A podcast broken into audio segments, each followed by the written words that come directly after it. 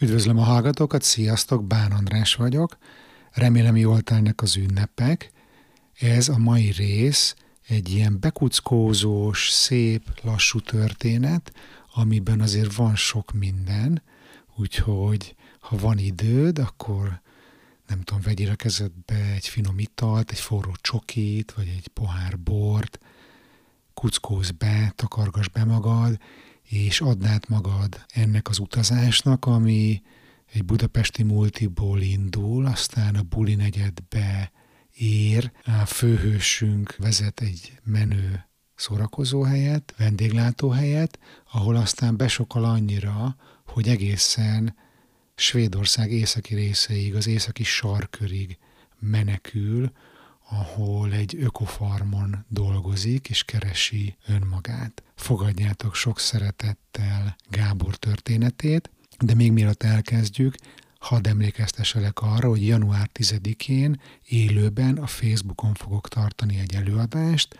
az a címe, hogy így mondj nemet önmagadért, és asszertivitásról, határok húzásáról, nemet mondásról a munkában lesz szó. Gyere, hogyha érdekel, hogyha esetleg lemaradsz az élő adásról, akkor visszanézheted majd a Halottnak a Coach Facebook oldalán, és ha fontosnak tartod azt, hogy olyan életet éljél, ami neked jó, amit te szeretnél, amiben van helye annak, hogy megadod magadnak azt, amire szükséged van ahhoz, hogy jól működjél, de ezzel kihívásaid vannak, akkor lehet, hogy az új évet érdemes azzal kezdeni, hogy változtatsz ezen. És azt mondod, hogy meg akarom tanulni, hogyan építsem be a mindennapjaiba, mindennapjaimba azt, hogy magammal tudok törődni. Ebben fog neked óriási segítséget nyújtani a február 7-én induló Mindfactól a Mindfulnessig, az öngondoskodás, mint rutin elnevezésű csoportos, élő online coaching, ami az előző alkalommal óriási sikert aratott. Részleteket megtudhatsz a halottnak a coach.blog per csoport weboldalon, vagy írjál nekem egy e-mailt, hogyha érdeklődsz. Boldog új évet kívánok neked, legyen minden úgy, vagy még jobban, ahogy azt elképzelted. Vigyázzatok magatokra, most pedig kezdünk. Ez itt a halottnak a coach, a Bán Andrása. Garantált világmegváltás kb. egy órában. Üdvözlöm a hallgatókat, sziasztok! A mai vendégem Gábor, egy volt ügyfelem, aki elég nehéz periódusában keresett meg. Éppen kiégve a részben kényszerű alkotói szabadságát töltötte, és kereste az irányt, hogy merre tovább. Karrier és országváltást fontolgatott, már nem először az életében. A közös munkánk a megszokott mederben folyt, egy ideig, amikor hirtelen váratlan fordulatot vett Gábor története, aki hamarosan egy Stockholmba tartó repülőn találta magát, zsebében egy egyirányú jeggyel. Meg sem állt az északi sarkörig, ahol misztikus körülmények között volt lehetősége reflektálni az elmúlt évek történéseire az életében. Én utoljára Stockholmban találkoztam vele, ahol a Magnus Johansson kávézóban egy nagyon inspiráló beszélgetésünk volt. Most pedig itt ülünk a Broadcasters ülői úti stúdiójában, Budapesten, és kifaggatom őt, hogy mi is történt vele Ümeóban, illetve merre tart most az élete. Szia Gábor, üdvözöllek a műsorban, köszönöm, hogy elfogadtad a meghívásom. Én is üdvözlök mindenkit, téged is. Mesélj magadról, mit kell rólad tudni? 37 éves leszek, kommunikációs szakon végeztem még a 2000-es évek közepén, és közvetlenül a, a főiskola alatt már elkezdtem dolgozni. Nagyon érdekelt az újságírás, volt egy gyakornoki program, ami, amiben részt vettem, és abból később egy állás kerekedett, ami elég elég intenzív volt, viszont rettenetesen meghatározza az életem egészét tekintve. Azt hiszem, és hát nagyon beleszerettem abba, hogy dolgozni, járni, és felelősséggel dolgozni, és egyre nagyobb feladatokat kapni, úgyhogy a tanulmányok a későbbiekben annyira nem is foglalkoztattak, hogy folytassam. Mármint befejeztem azt a sulit, de de a munka sokkal jobban érdekelt.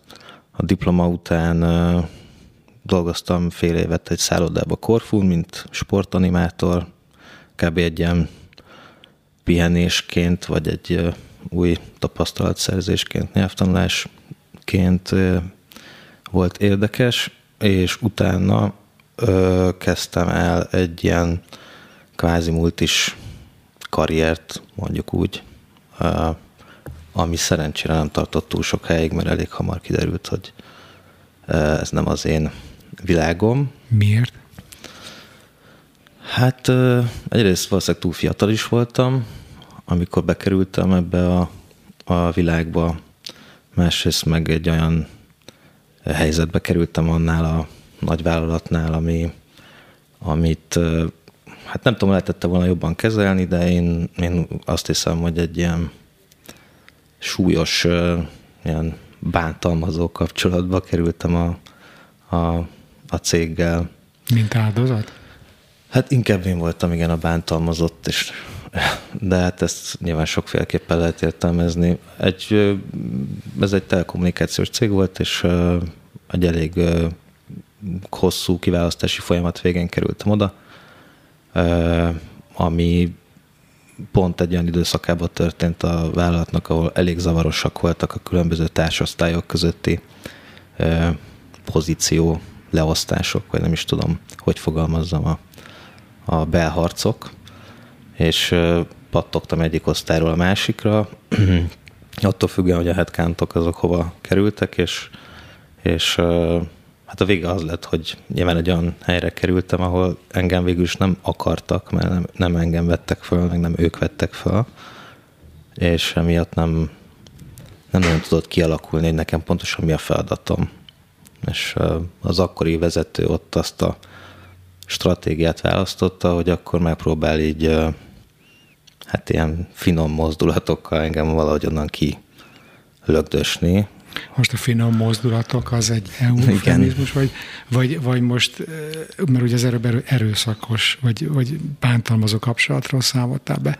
Igen. Tehát hát akkor az nem volt annyira finom ez a lögdösés. Nem volt annyira finom. Hát nem, tehát finom volt a tónusa, de a, a tartalma az, az nem volt finom. Hát te ilyeneket kell elképzelni, hogy behívott, és azt mondta, hogy ez a kardigán már másodszor van rajtam a héten, és jobban figyeljek oda arra, hogy mit veszek föl, meg ilyen dolgok, amik, amik azért nem, nem voltak jellemzőek. Ezért 20 évesen pályakezdőként életed első komoly munkahelyén úgymond mit gondoltál erről az elejétől kezdve? Tudtad, hogy téged itt bántalmaznak, vagy, vagy ez csak később esett le?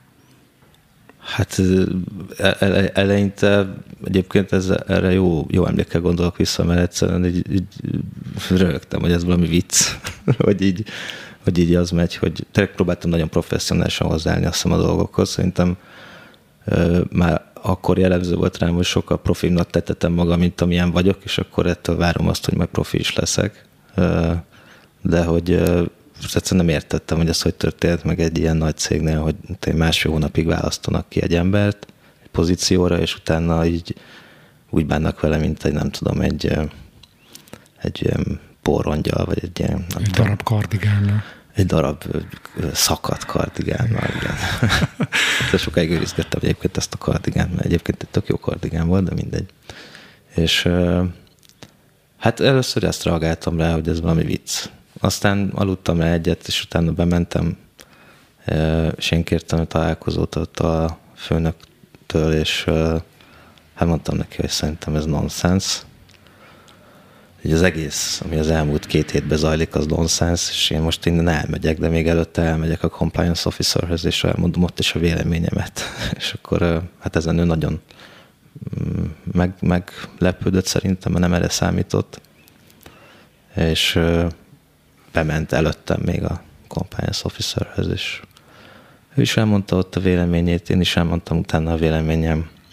És hát minden esetre csültük, csavartuk a dolgot, de az a vége, hogy egy másik osztályra kerültem, egy sokkal jobb pozícióba. Tehát visszakerültem arra az osztályra, amire eredetileg fölvettek, de sokkal jobb pozícióra, mint amire jelentkeztem, ami sokkal uh, szertágazó volt, és szerintem egy kicsit talán túl nagy falat is volt nekem akkor, de úgy próbáltam megfelelni a, az általam kreált, meg az általam érzékelt elvárásoknak, és szerintem egész jól sikerült egy darabig.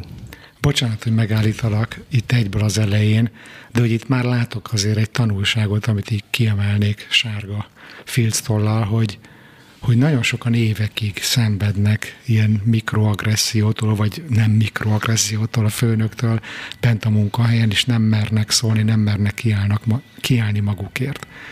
És milyen érdekes, hogy te ugye fiatal voltál, lehet, hogy az önbecsülésedhez is van ennek köze, önbizalomhoz, bármihez, vagy csak ilyen a habitusod, vagy ilyen az alkatod, de mindegy, a lényeg az, hogy te egyből az elején úgy reagáltál, hogy ez leperget rólad, röhögtél, nem hitted el, hogy ez valami, ami rólad szól, és két héten belül nagyon hamar fölléptél az ügy ellen, ráadásul a megfelelő hivatalos utakat is bejárva, tehát ez a compliance officer eh, vonalra gondolok itt, és mi történt? Nem az történt, hogy tovább bántalmaztak, nem az történt, hogy kirúgtak, hanem gyakorlatilag fölfele buktál. Hát igen, de azért ez, ez, ez tényleg nagyon nagy mértékben annak is köszönhető, hogy 23 éves voltam, tehát semmiféle ilyen egzisztenciális nyomás nem volt rajtam, azt gondolom, mert úgy álltam hozzá mindenhez, hogy ha ez nem jön be, akkor keresek mást, ha az nem jön be, keresek mást. Igen, de hogy ez szerintem akkor is tanulság, és akkor itt van még egy, amit szoktam mindig mondani, hogy próbáljunk meg akárhogy is élünk, akár honnan is jövünk, milyen háttérből jövünk, hogy én azt gondolom, hogy az első és legfontosabb dolog, hogy legyen egy legalább fél éves megtakarításunk, amihez bármikor hozzányúlhatunk, mert ha méltatlan helyzetbe kerülünk, és nincs egy olyan megtakarításunk, amiből el tudunk éldegelni néhány hónapot, akkor is, hogyha semmi bevételünk nincsen, akkor folyamatosan kiszolgáltatott helyzetbe leszünk az életünkbe. És szerintem ez bármennyire is nehéz összegyűjtögetni azt a pár havi eh, megélhetésnyi összeget, ez megéri szerintem ez, a, ez az extra munka azért, hogy utána úgy éljük az életünket, hogy ne legyünk tényleg kiszolgáltatva.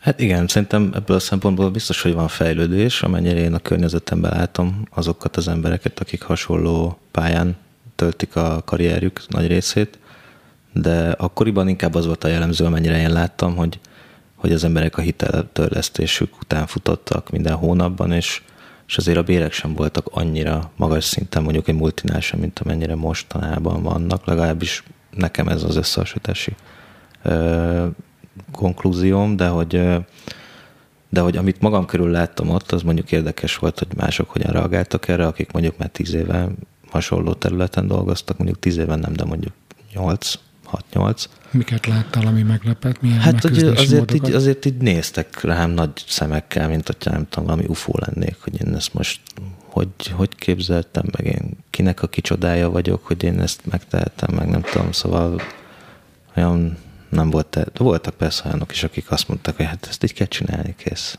De de őszintén szóval nekem is lett volna még ott egy olyan választásom, hogy azt mondom, hogy köszönöm, hogy felkínáltatok egy másik munkát, de nekem ebből a cégből így most van nagyon elegem. Tehát még el se kezdtem itt dolgozni, de már nagyon elegem van. És azért nem, mert nagyon e, nyomott valami belülről, hogy nem tudom, bizonyítan, bizonyítanom kell magamnak, meg, meg teljesítenem kell, és, és nagyon érdekelt is ez a munka egyébként. Tehát ez főleg olyan munka volt, ami, ami írás, szövegezése különböző HR projekteknek, kommunikációs projekteknek, ráadásul egy ilyen nemzetközi csatornába be ágyazva, és barom érdekes volt tényleg, és szerintem, szerintem jól, jól, is, jól is ment egy darabig, aztán, aztán mindenféle személyi változások voltak a cégnél, és, és a, igazából egy ilyen furcsa mm, helyzet került megint elénk, ugye az osztályon belül lett egy új főnökünk, és nem volt annyira tapasztalt, én sem voltam tapasztalt, és így próbáltunk valahogy eléldegélni együtt, de hát nekem is mások voltak az elképzeléseim neki is, úgyhogy nekem ilyen határozott idei szerződéseim voltak, amik mindig lejártak, és amikor egyszer csak lejárt, akkor elbúcsúztunk. Úgyhogy és akkor mennyi időt töltöttél ennél múlt? Egy másfél évet kb. És akkor utána kezdődött a te vendéglátós karriered? Hogy kerültél te a vendéglátóba? Hát itt a végén, a multi, multi végén azért én eléggé megrecsentem, mert ez energiában nagyon sokat kivett belőlem ez a, ez a, ez a meló.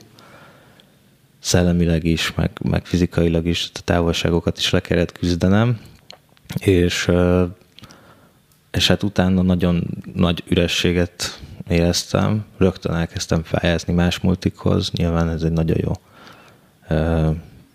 szépen csengő, bongó bejegyzés volt a rezümémben, hogy én itt dolgoztam, és ilyen munkakörben, ilyen fiatalon, de hát mentem mindenféle nagy gyógyszerészeti cégekhez, meg bankokhoz, meg mindenhova interjúra, és hát már a folyosó rosszul lettem, tehát olyan, olyan pánikrohamom lett már a folyosón attól, hogy így nekem itt kellene dolgoznom, hogy tényleg egy pillanatra nem tudtam elképzelni.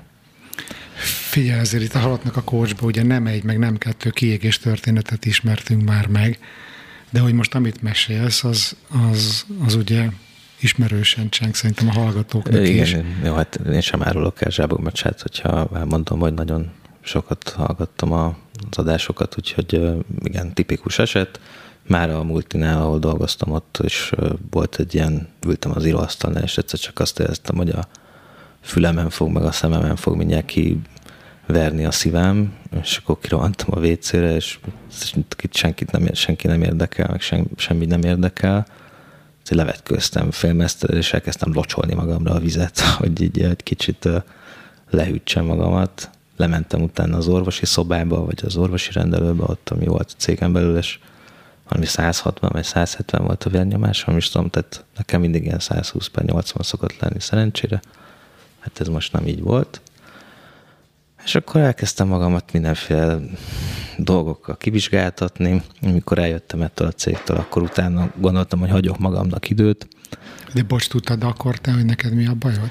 Nem, hát mindenféle elképzeléseim voltak a agydaganattól, a, a gyomorrákon át, a, a vérrákig, szerintem minden, minden. Gyorsan múló agydaganat. Igen, tehát ilyen nagyon súlyos krónikus betegségeket vizionáltam, tehát szívultrangon is voltam, ami nagyon bizarr volt egyébként, de ami nekem szokatlan volt, de az volt az egyik legjobb vizsgálat egyébként, mert a doktor iszonyatosan kedves volt, nagyon finom volt a keze, és azt tanácsolta nekem, hogy kezdjek el biciklizni. és ez nagyon jól esett, mert, mert igazából szerintem akkor kezdtem el utána nem sokkal biciklizni, mert, mert ez valahogy úgy megmaradt. És hány éves voltál ekkor? 24, kb. Tehát 25, valami És most egy utólag visszanézve tudod-e, hogy mi vezetett ehhez az állapothoz? Hát nyilván azért ez egy visszatérő uh, probléma volt az életemben később is. Uh, ez a fajta ilyen uh, nem tudom meghúzni a határt, és ha munkáról van szó, akkor, akkor vagy egy, vagy egy munkaviszonyról, akkor, akkor mindenemet beleadom, ami van, nem számít semmi, magam se, a mentális egészségem se, a fizikai egészségem se, semmi, hanem akkor, akkor csak a munka van, és, és hogyha megcsinálok valamit, ami aznap el van tervezve, akkor annak a kétszeresét csinálom, meg az se elég a belső mérték szerint, hanem mindig valahogy ki kell vernem a plafont. Tehát... És akkor ez már akkor ott annál a multinál 23-4 évesen ahhoz vezetett, hogy túl dolgoztad magad? Túlhajtottad magad? Hát a belső energia forrásokat és felhasználási módokat tekintve igen, maximálisan túlhajtottam magam. Ezt most miért különbözteted meg így, hogy a belső? Hát mert ez nyilván egy nagyon szubjektív dolog, hogy az ember mit érez vagy hogy túl dolgozta magát, vagy nem most objektív, ezt nem tudom megítélni, hát ahhoz, ahhoz le kéne ültetni itt a főnökeimet, hogy most ez sok volt, vagy kevés volt, mihez hmm. képest. Hmm. Szóval szerintem egyértelműen sok volt. Korábban már beszélgettünk ebben a, a podcastben egy, egy pszichológussal a, a, a követelmény erő, erőforrás modellről. És hogyha most csak két mondatban próbálom ezt összefoglalni, hogy ez mindig egyéni szinten kell vizsgálni azt, hogy, azok a követelmények, amik, amiket veled szembe támasztanak, ahhoz van-e elegendő erőforrásod? És ugye itt, amikor erről a belső kényszerről beszélsz, akkor lehet, hogy nem is a főnököt támasztja ezt az elvárást, hanem te magad. Sokkal, sokkal nagyobb elvárást támasztasz magad felé, mint a környezeted, de hogy a lényeg az az, hogy egy, egy szinten van-e, vagy nagyjából közel van-e egymáshoz a követelmény és az erőforrás. És amikor hosszan tartó ideig, hosszú távon ezek távol vannak egymástól, és nincsen megfelelő erőforrás arra, hogy a követelményeket teljesítsd, az vezet biztosan, vagy nagy bizonyossággal kiégéshez. És hogy emiatt, ugye ez mindenkinek egyedi, tehát most mondhatod azt, egy főnökként van öt beosztottad, mind az ötnek pont ugyanaz az állása, pont ugyanaz a feladata, és lehet, hogy valaki közepesen teljesít a te megítélésed szerint, és mégis ő ég ki, nem az, aki sokkal többet tesz le az asztalra. De az lehet, hogy azért van, mert ugyanannál a követelmény szintnél az ő erőforrásai alacsonyabbak voltak, mint a kollégáinak. És neked vezetőként szerintem ezt kell látni, hogy hogyan tudom előhívni belőle a már meglévő erőforrásokat, vagy hogyha valami nincs, akkor hogyan tudom azt én betolni a rendszerbe. Hát igen, ez, ez nagyon jó hangzik, meg egyet is értek vele, de a valóság, vagy legalábbis abban az időszakban, ahogy ez a cég működött, ez nagyon-nagyon messze volt attól, amit most elmondtál.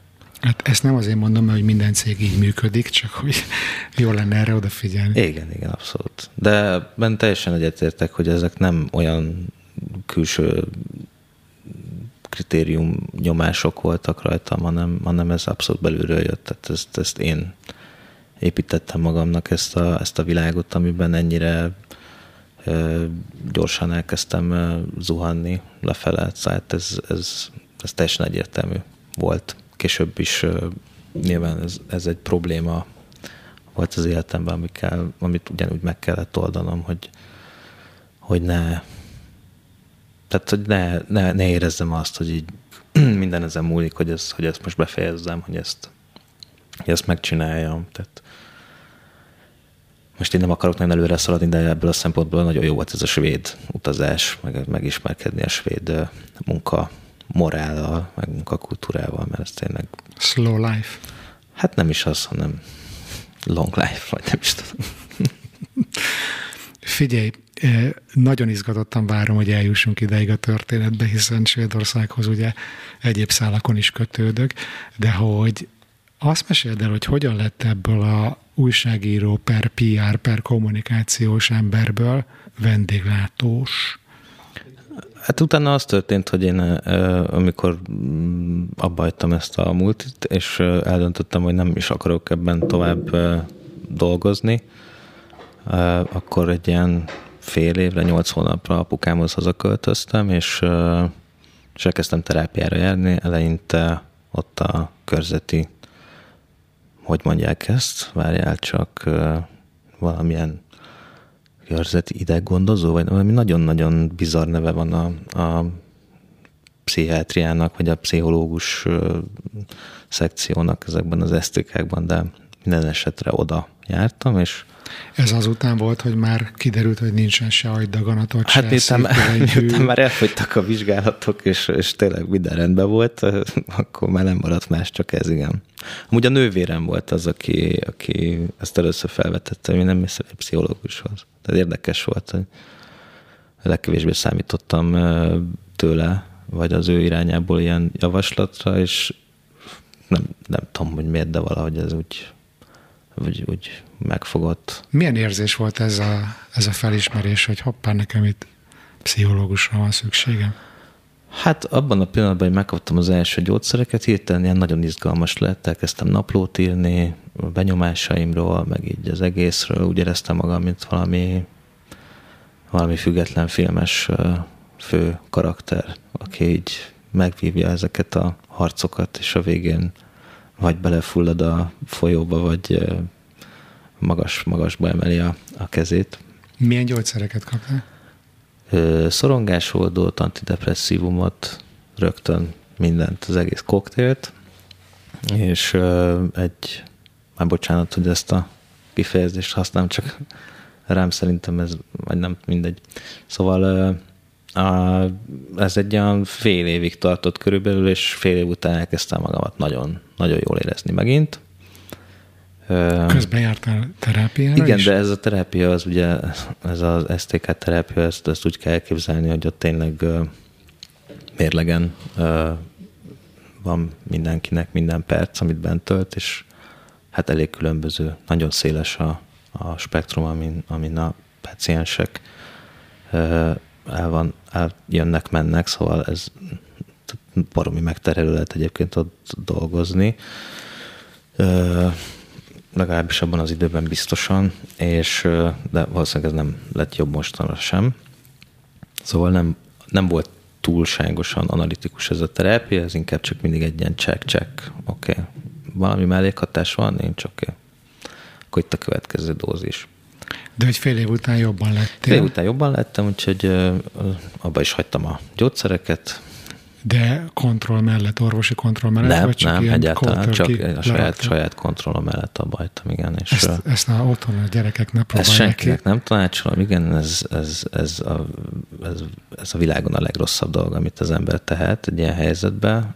Ezt, ezt most nagyon magammal, nagyon nagy vonalúan csak annyit tudnék erre mondani, hogy fiatal voltam, és, és azt gondoltam, hogy ez, így, ez nekem így oké okay lesz de ezt ne csinálja senki.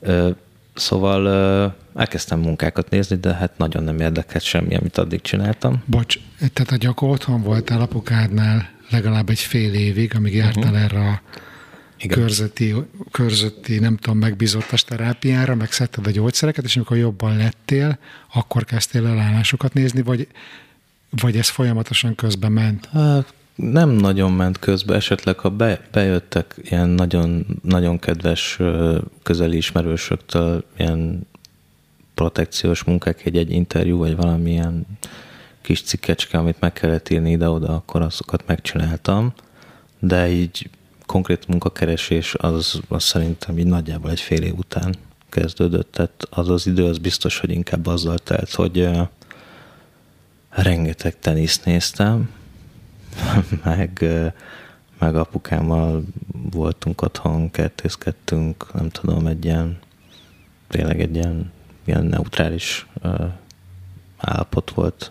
Mondtad, hogy amikor attól a telekommunikációs cégtől eljöttél, akkor utána egyből próbáltál hasonló nagyvállalatoknál kommunikációs területen elhelyezkedni, de hogy nagyon sokszor bementél, és már érezted, hogy Igen. nem tudom, szorít a gúnya, vagy pánikroham, vagy menekülni De egyébként onnan. érdekes, ez egy brutális reflex szerintem, ami az emberbe kialakul, hogyha egy ilyen helyen dolgozik, hogy annyira ez válik a, a, a valóságává tényleg, tehát minden sejtje átalakul, hogy, hogy ha ennek, egy ilyennek vége van, akkor csak abban tudja elképzelni a, automatikusan rögtön csak abban tudja elképzelni a folytatást is, tehát hogy valahogy ez így egy ilyen, nem is tudom, valami, mint egy ilyen drog, vagy valami, hmm. hogy, hogy így bocs, csak ezt így azért Fontos. szúrtam be, mert hogy nekem is ez volt az első reflex, hogy, hogy akkor multiknál nézek ugyanilyen hmm. pozíciókat. És hiába voltak ezek a testi tünetek, meg ugye jelzett a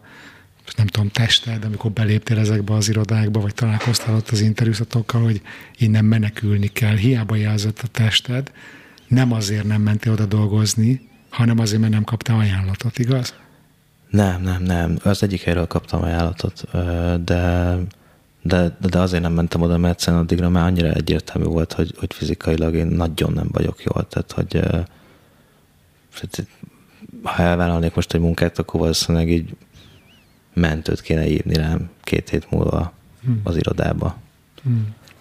Szóval nem, az, az, az, ezekre ezt azért adtam fel ezt az irányt, mert tényleg felfogtam, hogy ez lehet, hogy nem volt tudatos ez a, ez a felismerés, de hogy a tested egyszerűen így ellenkezett, minden, minden porcikám ellenkezett.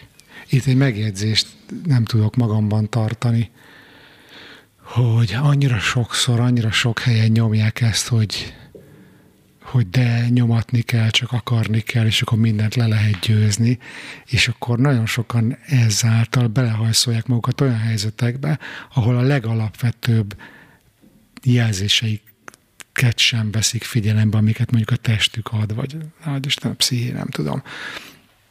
És, és hogy akkor, amikor benne van az ember egy ilyen periódusban, szerintem nagyon sokan mi magunkat gyengének, szarnak, alkalmatlannak érezzük, miközben így visszanézem mondjuk 10 plusz év távlatából, azért egy nagy köszönet jár a testünknek, hogy, hogy szólt, nem?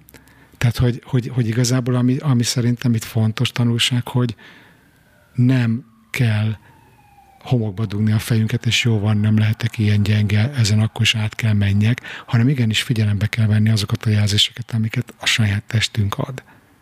Tehát maximál, maximálisan egyetértek ezzel, de, de hogy ezt iszonyú nehéz uh, uh, figyelni, tehát hogy pont, pont ez a flow, amiben az ember belekerül egy ilyen nagyon uh, uh, intenzív munka viszonyban, az, az egyszerűen kizárja ennek a lehetőségét, hogy folyamatos reflexió legyen, vagy egy olyan helyzet, amiben tudunk vizsgálódni egyáltalán. Nem beszélve az olyan kis adalékokról, hogy azért itt, itt nagyon sokat számít az is, hogy, hogy mi történt az embernek mondjuk a gyerekkorában, vagy vannak-e olyan emlékei, amik, amik mondjuk csak egy későbbi mély, mély analitikus terápiába tud esetleg csak előjönni. Tehát például nekem ez a fajta ilyen megfelelési kényszerem, meg ez a teljesítési kényszer, teljesítmény kényszerem, ez, ez ennek, a, ennek az igazi gyökerei, ezek valahol nagyon régen, régről erednek, amikor például úsztam, és a Honvédben voltam ilyen versenyszerű úszó, hát nem futottam be túl nagy karriert, de az alapvető mentális traumákat elszenvedtem, azt hiszem. Tehát, hogy ez a, ez a fajta hozzáállás, vagy ez a mentalitás, hogy ha megúszod az idődet, hogy esetleg megdöntöd, az az alap. Ha meg rosszabbat úszol, mint a legjobbad, akkor meg baromi nagy baj van, akkor, akkor te vagy a, akkor, akkor téged ott vizes törölközővel fognak fenéken csapni az öltözőbe, vagy, vagy, vagy egy nagyon-nagyon nagy hangú edző fog veled nagyon csúnyán beszélni, és meg az is előfordulhat, hogy azt fogja mondani, hogy takarod ki a medencéből. Hát én, én ugye én is úszodába lőttem föl, én hat éves koromtól napi szinten jártam, először úszni, aztán vízilabdázni a Újpestbe, Újpest. És e, például volt ilyen a Kőér utcai úszodában, hogy ak- amikor még Egerszegi Krisztina a karrierje csúcsán volt, pont előttünk edzett, és ha jól emlékszem, az volt, hogy nem tudom, tízszer kellett leúsznia valami versenyszámot egymás után, és az országos csúcs volt a szintidője neki edzésen. És minden egyes alkalommal, amikor ezt nem úszta meg, akkor kihívta az edző, és ott az úszodában mindenki szeme láttára elverte a seggét. Egerszegi Krisztinának. Hát igen, és, és, és hát nagyon, nagyon, nyilván nagyon keményen megdolgozott érte, de, de, de hogy ő megnyerte az aranyakat mindenben, és szerintem ő nála feloldódott ez a, amennyire lehetett ez a, elment a falig, elment a csúcsig, tehát onnan menni is tovább. Tehát ő neki szerintem maximum nagyon ritka rémálmaiba kísértenek ezek, a, ezek a, az emlékek, de, de a legtöbb ember az nem jut el a csúcsra, hanem az valameddig eljut, aztán utána másfele viszi az élet, vagy a teste nem fogja tovább engedni, hogy ússzon, vagy, vagy a családi környezet, vagy a, vagy a tanulmányai, vagy akármi, de, de ezek, ezek az élmények, ezek, ezek megvoltak nekem is, a vizes papucsal, segreverés, meg medencébe lögdösés, és én is ilyen, nem is tudom, 5-6 éves voltam, amikor elkezdtem úszni. Hmm, szóval ez, ezek, ezek durva dolgok, és mm. ezek, ezeket nagyon nehéz egyáltalán felismerni 24 évesen egy bármilyen pozícióban, egy bármilyen cégnél, hogy én most miért csinálom azt így, ahogy csinálom. Szóval ezeken dolgozni kell, ezeket valahogy fel kell tudni oldani, és de először meg kell találni őket. Tehát, igen, de a terápiát azt igazán 2012-ben kezdtem el. Hmm, de akkor már máshol akkor már máshol dolgoztam, igen. Tehát most Fia, a... harmadszor megkísérlem, hogy elmeséld, hogy, hogy hogy kerültél a vendéglátásba. Jó, hát úgy kerültem, hogy elkezdtem munkát keresni, és ö, ö, volt egy ilyen hirdetés, aztán talán a Pestiesnek valami hirdetés rovatában, hogy egy kis vendéglő felszolgáló munkatársat keres. Bocs, csak hogy nem biztos, hogy tudják már a hallgatók, mi az a pestiest. Képzeljétek, kedves hallgató gyerekek, régen nem volt a internet, és volt egy újság, ami hetenként kijött, és benne volt az összes moziműsor, és a szórakozóhelyek, és a baromi jó volt egyébként, szerintem tök színvonalas volt. Igen. Pestiest. Én gyűjtöttem egyébként a pestiestet, és aztán, amikor az Exit megjelent, akkor azt is elkezdtem gyűjteni, hogy így összehasonlítsam, hogy itt mi a különbség, meg nem tudom. Akkor indult el a lejtőn a virág. Igen, igen. Hát nem tudom, mert azért a fanzin az, az, az egy nagyobb szög volt a lejtőben, vagy nem tudom, de...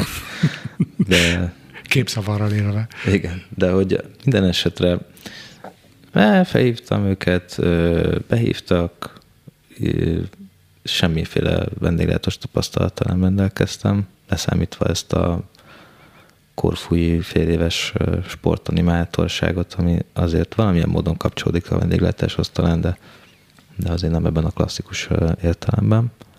És, és megbeszéltünk egy próbanapot, elmentem, és nagyon jól sikerült. És nagyon élveztem. Az, a, az volt a legmeglepőbb, hogy így ha nem tudom, az egy évvel azelőtti állapotokhoz képest, amikor az utcára sem nagyon szívesen mentem ki, mert mit tudom én, a boltig eljutni, az, az egy küldetés volt, anélkül, hogy pánikrohamot kapjak. Uh, ahhoz képest az, hogy emberek jönnek, és uh, ételeket rendelnek, meg italokat, és ezeket ki kell vinni, le kell eléjük szépen tenni, beszélni kell tudni róla velük, és uh, oda kell figyelni arra, hogy minden rezdülésükre, hogy, hogy hogyan, hogyan reagálnak erre vagy arra, mik az igényeik. Tehát ez nagyon-nagyon nagy volt a kontraszt, és ahogy teltek a napok, hónapok, úgy egyre jobban belejöttem, és nagyon, nagyon jó volt az a közösség, amiben ott elkezdtem dolgozni, és, és azt hiszem, hogy így nagyon rövid idő alatt úgy érzem, hogy ilyen nagyon mély, közeli kapcsolataim alakultak ki, ott a munkatársaimmal. Bocs Gábor, hogy megakasztalak, de milyen tervekkel, reményekkel vágtál neki ennek a felszolgálói melónak? Hogy, hogy, hogy, hogy, hogy volt ez, hogy most már mindegy csak legyen valami pénzkereset, vagy, vagy mi volt a fejedbe? Hát nyilván az is van, nem volt a fejemben, hogy most már jó lenne uh, valami pénzt is keresni, de alapvetően inkább uh, az volt bennem, hogy szeretnék valami fizikai alapú dolgot csinálni, ami nem, ami nem egy irodában. Tehát például a, a, a, annál a multinál volt olyan, hogy egy, egész nap, a keddi napon például minden héten az úgy nézett ki, hogy reggel 9-től délután 4-ig meetingek voltak egymás után különböző divíziókkal, Hát az egy pokol, hogy az ember ül egész nap egy tárgyalóban, vagy egy másikba, vagy egy harmadikba, és az ilyen 10 perces szünetekbe szalad ki a, a gépéhez az e-maileket lecsekkolni, meg, meg nem tudom, akkor még nem voltak ezek a nagyon, de nem voltak okos telefonok, vagy talán volt egy... Blackberry esetleg. Blackberry esetleg, igen, de nem akkor várja, hogy is hívták, Nokia N30, vagy nem tudom mi volt az, amit mindenki használt ez egy ilyen vastag bumszli telefon volt, de kb. az e-maileket lehetett megnézni, de ilyen, de ilyen edge, vagy nem tudom, ez ilyen nagyon minimál volt az adatátvitel. Minden esetre tehát a lényeg, hogy ne kelljen nem akartam, nem akartam irodába ülni, nem akartam ilyen, ilyen és tök jó volt, mert egyébként jöttek be régi kollégáim oda vacsorázni, és akkor kérdezték, hogy te mit csinálsz itt, és akkor mondtam, hogy hát én fogom hozni a vacsorát. és hát le voltak sokkolva, Te hogy érezted ezt, hogy a presztízs mennyire fontos neked? Hát talán, talán volt egy-két ilyen párás tekintetű pillanatom, de, de, de nem sok. Szóval nagyon hamar rájöttem arra, hogy ennek a közösségnek, ami ott van, ennek olyan ö, értékei vannak, amikkel én sokkal jobban tudok azonosulni, mint egy multival. Tehát ez tényleg egy Tudsz család. néhányat említeni? Fú, hát ez tényleg egy család volt tehát hatan voltunk összesen, és mindenki segített a másiknak ott, ahol csak tudott. Amint hatan voltunk felszolgálók, a konyhán meg még négyen dolgoztak. A konyhával is jó volt a kapcsolat, de, de az egy kicsit, tehát volt, hogy egész nap alig találkoztunk, csak amikor bementünk az ételekért, mert mindenki nagyon benne volt a saját világában. Ez azért 2000-es évek vége, 2008. E, és azt most csak mondjuk meg, hogy nem fogjuk említeni a, a vendéglátóhelynek a nevét, de annyit kell róla tudni, hogy Budapest 7. kerületében egy nagyon frekventált helyen van, és én azt is gondolom, hogy ez egy, ez egy már a legendássá vált vendéglátóipari egység. És ez, amikről beszélsz, ez a 2008, ez még ez a nagy tömegturizmus boom, fapados boom előtt volt, ugye? Igen. Igen. Tehát a, a magyarán lefordítva a vendégeinknek a, a 85-90 százaléka az magyar volt. Egész évben, tehát nem csak a téli időszakban. Úgyhogy igen, ez egy más világ volt akkor. De épp ebből a szempontból nagyon érdekes volt végigélni ezt az időszakot, hogy ez hogyan változott meg így elég, elég gyorsan, elég meredeken. Erre nagyon kíváncsi vagyok, csak még annyit mesélj el nekünk, hogy amikor ezt elkezdted, akkor már tényleg hosszas otthonülés után azt mondtad, hogy most már kell valami meló, próbáljuk meg ezt. Nem tudom, hogy mi volt a fejedben, hogy csinálod ezt egy fél évig, évig, aztán majd visszatérsz valahova, vagy... Kb. ilyesmi, igen, igen. Aha. Tehát, hogy most mindenképpen valami olyan szeretnék csinálni, ami, ami más, ami, ami bizonyos szempontból nekem meditatív, mármint, hogy nyilván ez nagyon csúnyán hangzik, de, de hogy nekem ahhoz képest, amit korábban csináltam, ez egy, ez egy felüdülés volt, persze nagyon hamar ebben is ki lehet égni. Tehát, hogy és az ember is meséled, hogy hogyan. 40-50 órát dolgozik, és akkoriban az volt, hogy nagyon kevesen voltunk, és nagyon mások voltak a körülmények, tehát nem, nem volt annyira jól felszerelt mondjuk a, a vendéglátóhely, hanem nagyon sok volt az, ami kézi fizikai ö, erőt igényelt, és, ö, és hát nyilván a gazdaságosság is egy fontos szempont volt, tehát ö, nem dolgoztunk túl sokan egy műszakba. Tehát ha mondjuk összehasonlítom egy pár évvel későbbi időszakkal, akkor olyan műszakokat, olyan forgalmakat, amiket abban a 2000-es, 2008-as, 9-es időszakban mondjuk ketten teljesítettünk, azt pár évvel később már inkább négyen, hárman, négyen. Tehát, hogy így hmm. sokkal uh, nyilván, ahogy szaporodtak a helyek, meg megnőtt a forgalom, úgy egyre, egyre jobban kellett fejlődni a szolgáltatás színvonalának is, és ez nyilván több ember kellett, több idő kellett, amit a felszolgáló a vendéggel tölthet. Ez nyilván több, nagyobb személyzettel kellett dolgozni ezeknek a helyeknek, úgyhogy ez egy ilyen üdvös fejlődés volt. Tehát. Fél Gábor, azt mondod, hogy oda mentél úgy, hogy most ez egy idéglenes meló lesz, de hogy nagyon hamar kiderült, hogy te mondjuk úgy, hogy tehetséges vagy ebbe, vagy van egy veled született, nem tudom, tehetségnek tudom ezt nevezni. Dolgoztam én is vendéglátóban, és van olyan ember, aki bejött a próbanapra, és a harmadik percben láttam, hogy ebből soha az életben nem lesz se felszolgáló, se pultos, lehet hazamenni. Tehát, hogy ehhez kell egyfajta érzék azért, ami nem csak arról szól, hogy az emberekhez hogyan tudsz kapcsolódni, hanem egy picit itt talán rendszerbe is gondolkodni, pörögni, egymás után, hogy jó megcsinálni a feladatokat, de hogy láttad, hogy ez neked jól megy, meg láttad azt is, hogy hogy itt egy valami nagyon jó családias légkör van, és barátaid lettek a kollégáid, vagy, vagy családtagjaid, hogy mennyi idő telt el a kezdés után, amikor kezdett neked ez derengeni, hogy ez nem csak egy fél éves, éves rövid projekt lesz, hanem maradsz ebbe. Kb. egy év.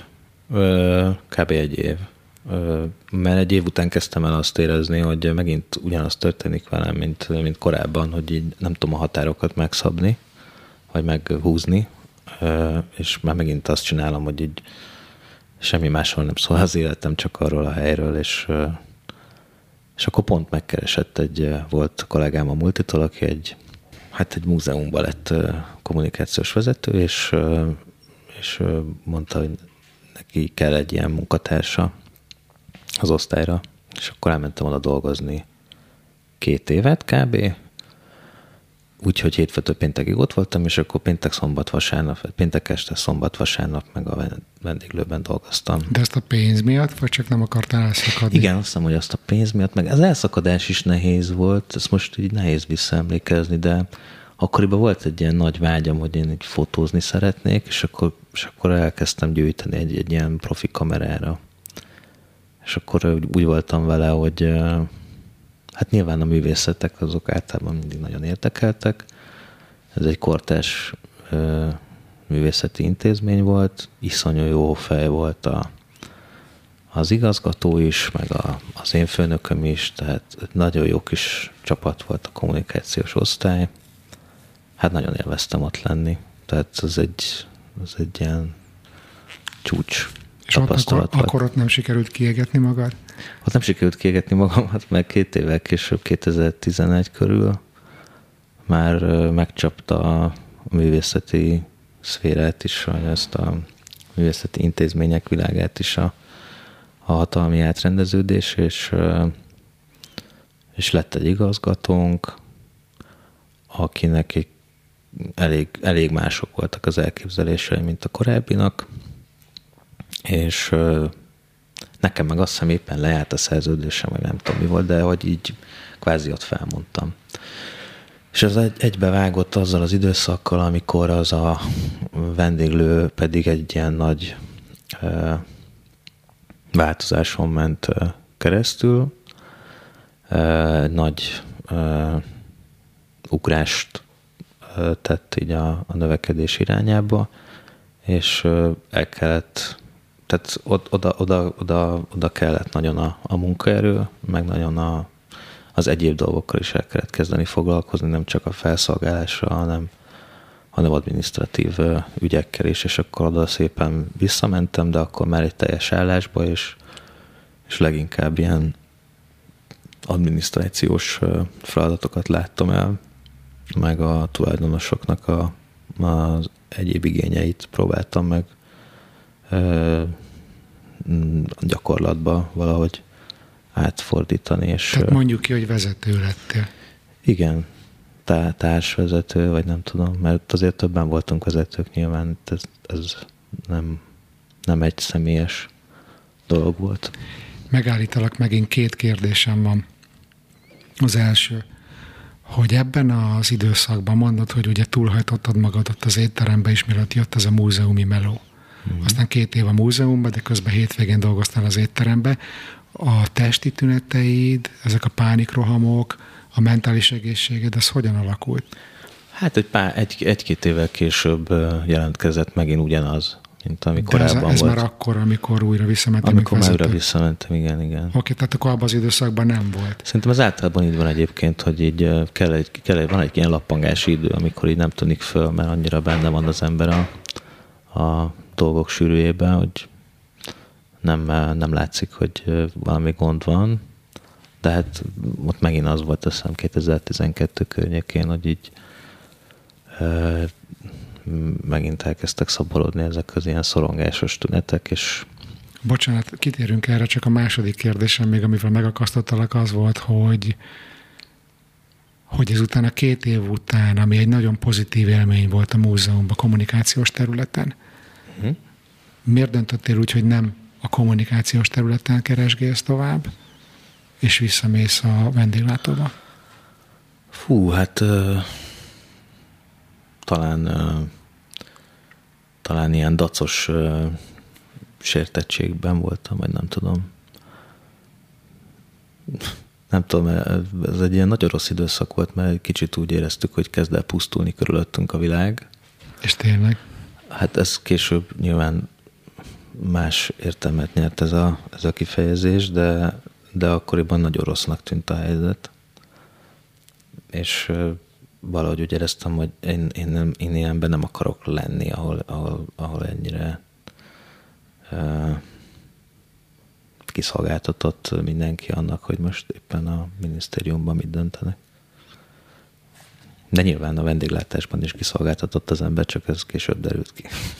De mesélj akkor erről, amit, mond, amit már elkezdtél, és belét folytattam a szót, hogy, hogy utána visszamentél vezetőként, és aztán megint kezdtek gyűlni a Igen, viharfelhők, hogy, hogy milyen stresszorok értek, hogy, hogy élted az életed?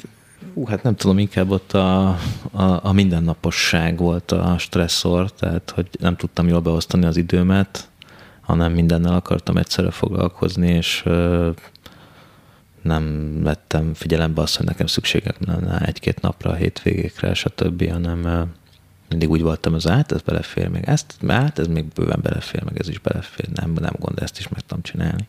Hány órát dolgoztál egy héten? Fogalmam sincs, nem tudom, nem, nem számolgattam, de Hány igazából nehéz, nehéz, nehéz összeadni, mert hogy ugye az volt, az egy nagyon fontos része volt a munkának, hogy, hogy mindig elérhető voltam, tehát ha mondjuk éppen az volt, hogy szabad voltam, akkor is egy pillanat alatt vissza tudtam lökni magamat a, a rendszerbe, mert kaptam egy telefonhívástól, feltettek egy kérdést, és akkor rögtön megoldást kellett valamit találni arra az adott helyzetre, és ez tehát nem, nem volt így szépen szétválasztva az, hogy mikor pihennek, mikor nem pihennek. Mindig az volt a legfontosabb, hogy ott minden rendben legyen.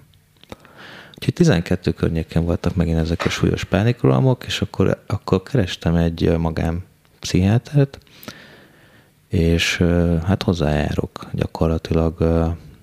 Hát most az utóbbi egy-két évben már csak Skype-on, mert ő most már egy másik országba praktizál, de, de az egy, az egy mély terápia volt, amit ott elkezdtünk, és hát rengeteg gyógyszert kipróbáltunk. Én nagyon szerettem volna olyasmit találni, ami, amivel elégedett vagyok, de úgy maradéktalanul. nagyon érzékeny vagyok. Azt hiszem ez, ez, ez egy ilyen diagnózis is. Velem kapcsolatban nagyon érzékeny vagyok ezekre a gyógyszerekre, tehát hajlamos vagyok így talán behalúzni egyes tüneteket vagy mellékhatásokat, de hogy... Bocs, csak aki, aki nem tudja, hogy ez mit jelent, egy picit ezt ki tudod jobban fejteni. Hát ugye az van, hogy a legtöbb antidepresszáns vagy antidepresszívum az ugye ilyen szelektív szerotonin visszavételgátló mm, elven működik, és ezek közül is van nagyon sok, tehát van olyan, ami csak a szerotonint, van olyan, ami a nonadrenalinint, van olyan, van olyan, ami a, a dopamint szabályozza, van olyan, mind a hármat, van olyan, a háromból csak egyet, vagy kettőt, szóval mindenféle ilyen kombók vannak, és hát minden, tehát Ugye a, a pszichofarmakológiának ez a része, ez egy ilyen meghatároztatlan dolog, nem tudják az orvosok sem, vagy a, vagy a gyógyszerkészítők sem, hogy pontosan mi az a folyamat, amin keresztül ez kifejti hatását, vagy pontosan miért fejti ki a hatását, de, de kifejti a hatását, viszont egyénfüggő, hogy kinél melyik hatásos. Nyilván vannak nagy, nagy statisztikák arra vonatkozóan, hogy mik a legsikeresebbek, Na nekem azok nem jöttek be, amik így az én korosztályom férfi, 30-as, nem tudom, ez, azok közül egyik se jött be, hát nekem voltak olyan mellékhatásaim, vagy amiket én érzékeltem mellékhatásoknak, mint ha nem tudom, ilyen amfetamin származékot fogyasztottam volna, és ilyen zár, szájzáram volt, meg nem tudom, ilyen mindenféle ilyen, ilyen görcseim, volt olyan, amit egyszerűen csak ilyen zavart voltam, meg volt olyan, ami, amit aludni nem tudtam, tehát nekem mindig voltak ilyen vagy vélt, vagy valós ilyen, ilyen mellékhatások, amik, amik miatt nem sokáig szedtem sose egy gyógyszert. És akkor végén nem is sikerült találni egyet, ami hosszú távon működik? De, hát egy évekkel, évek alatt, évek tesztelése alatt sikerült. És, és közben akkor... gondolom terápia is ment. Az nagyon fontos, igen, az minden héten volt. És, és funkció, full funkcionál, teljesen funkcionált? Tehát, hogy amikor mondjuk nem tudtál aludni, meg be volt állva az állkapcsolat, akkor is ugyanúgy mentél az étterembe? Hát ezeket nagyon hamarabb hagytam tenni hmm. rögtön, tehát, de persze nem, tehát uh, talán volt ilyen egy-két hét szünet, vagy egy-két hét szabadság, de amúgy hmm. dolgoztam végig, igen. Uh, meg hát azért így ott ezek nem, tehát ezt, ezt sose titkoltam senki elől bent a munkahelyemen se, tehát mindenki tudta, hogy, hogy velem mi a helyzet. És hogyan reagáltak? Nagyon támogató volt mindenki, hát hihetetlen jó volt az a, az a közeg, tehát a főnökeim is, a munkatársaim is, mindenki nagyon. Próbáltak-e vigyázni rád olyan tekintetben, hogy ne hajtsad túl magad? Abszolút, igen. És te engedted? Hát sajnos nem. nem, sajnos nem mindig, igen. De az ő részükről ez egy, ez egy nagyon határozott szándék volt mindig. Tehát nagyon támogató volt a közeg. De veled nem csesznek ki. Hogy? Ja, nem, hát én kicseszek magammal, nem, oh. kell, nem kell velem kicseszni. Oh. Igen, hát nem. mesélj erről. Miről? Hát, Hát, hogy 2012 mondod, hogy, hogy, vissza, hogy, vagy hogy találtam magadnak egy jó pszichiátert, aki ez a mai napig jársz, kikísérleteztétek a gyógyszert, de hát ugye most az 9 évvel ezelőtt volt, és, és egészen, ha jól tudom, 2020-21-ig te azért ott voltál ebben a történetben, amikor Igen, tavaly, tavaly jöttem el ettől a vendéglátóhelytől. Hát most nagyon röviden erre nem akarok túl sok időt fordítani, de egyre, egyre nagyobbak voltak a kihívások, egyre nagyobbra nőtt ez a, ez a vállalkozás. Végül társtulajdonos lettem, aztán a, gyakorlatilag a Covid pandémia időszaka az egy olyan fordulatot hozott ebben a vállalkozásban, hogy nyilván nem kifejezetten csak az számított, hogy mi történt a Covid alatt, de végül is az volt a tetőzése egy olyan régóta húzódó ilyen konfliktusos helyzetnek, ami, ami, ami feloltatatlannak bizonyult. És én, meg jobbnak láttam, hogyha ebből most kiszállok. Uh-huh. Nem akarok ebbe most jobban belemenni, mert lehet, hogy az érintettek is hallgatják, és az nem jó, hogyha csak egy oldalról mutatjuk be ezt a történetet, vagy Mm. konfliktust. Ami engem érdekel, hogy te egyrészt egy tök jó sikersztorin mentél keresztül kívülről nézve, hogy egy outsiderként, felszolgálóként kezdve társtulajdonosa lettél a budapesti buli negyed egyik legsikeresebb vendéglátóhelyének, miközben ugye belülről meg szépen leamortizáltad magad, mint lelkileg, mint testileg azért, nem? De, igen, mondhatjuk. Párkapcsolataidra milyen hatással volt ez, a, ez az időszak? Mennyire lehet a, egy ilyen munka mellett mondjuk ilyen hétköznapi értelemben vett normális párkapcsolatot vinni? Hát meglepő módon volt egy nagyon ö, normális, nagyon jó párkapcsolatom, nem végig, de, de 2016-tól kezdődően ö, három éven keresztül, ami az én ö, magánéleti pályafutásomat tekintve egy hosszú kapcsolatnak számít. Hmm. És ha visszagondolok rá, akkor, akkor ez mindenképpen egy nagyon pozitív dolog volt, mert bár nagyon viharos volt, és nagyon sok akadály, vagy nagyon sok, nem is, nem is akadály, hanem ilyen nagyon sok kihívás volt, amivel meg kellett küzdenünk, de szerintem összességében ez egy nagyon jó dolog volt az én életemben. Nem akarok rugózni ezen a párkapcsolaton, meg hogy egyetem van-e köze ez a melóhoz, vagy nincs. Nem, De itt inkább, ez... bocs, nem, itt a melónak is nyilván van annyi köze hozzá, hogy ez, ez az én életemnek egy nagyon nagy részét jelentette ez a vendéglátóhely, és, és ehhez nyilván nagyon nehéz alkalmazkodni mondjuk egy, egy másik félnek, de, de nem, nem, nem hiszem, hogy nem, nem ez volt a legnagyobb probléma, hanem inkább egy olyan családi ö, baj, egy, egy betegség a családban, ami, ami, ami, ami gyakorlatilag így, így engem tényleg, tényleg felemésztett így minden szempontból apukámnak a, a betegsége és a halála, ami két éven keresztül tartott, és ez egy elég jelentős periódus volt a, a kapcsolatunk szempontjából is. Mm, értem. Kicsit visszatérve még a, a, a bizniszre, ami engem érdekel, az kettő dolog.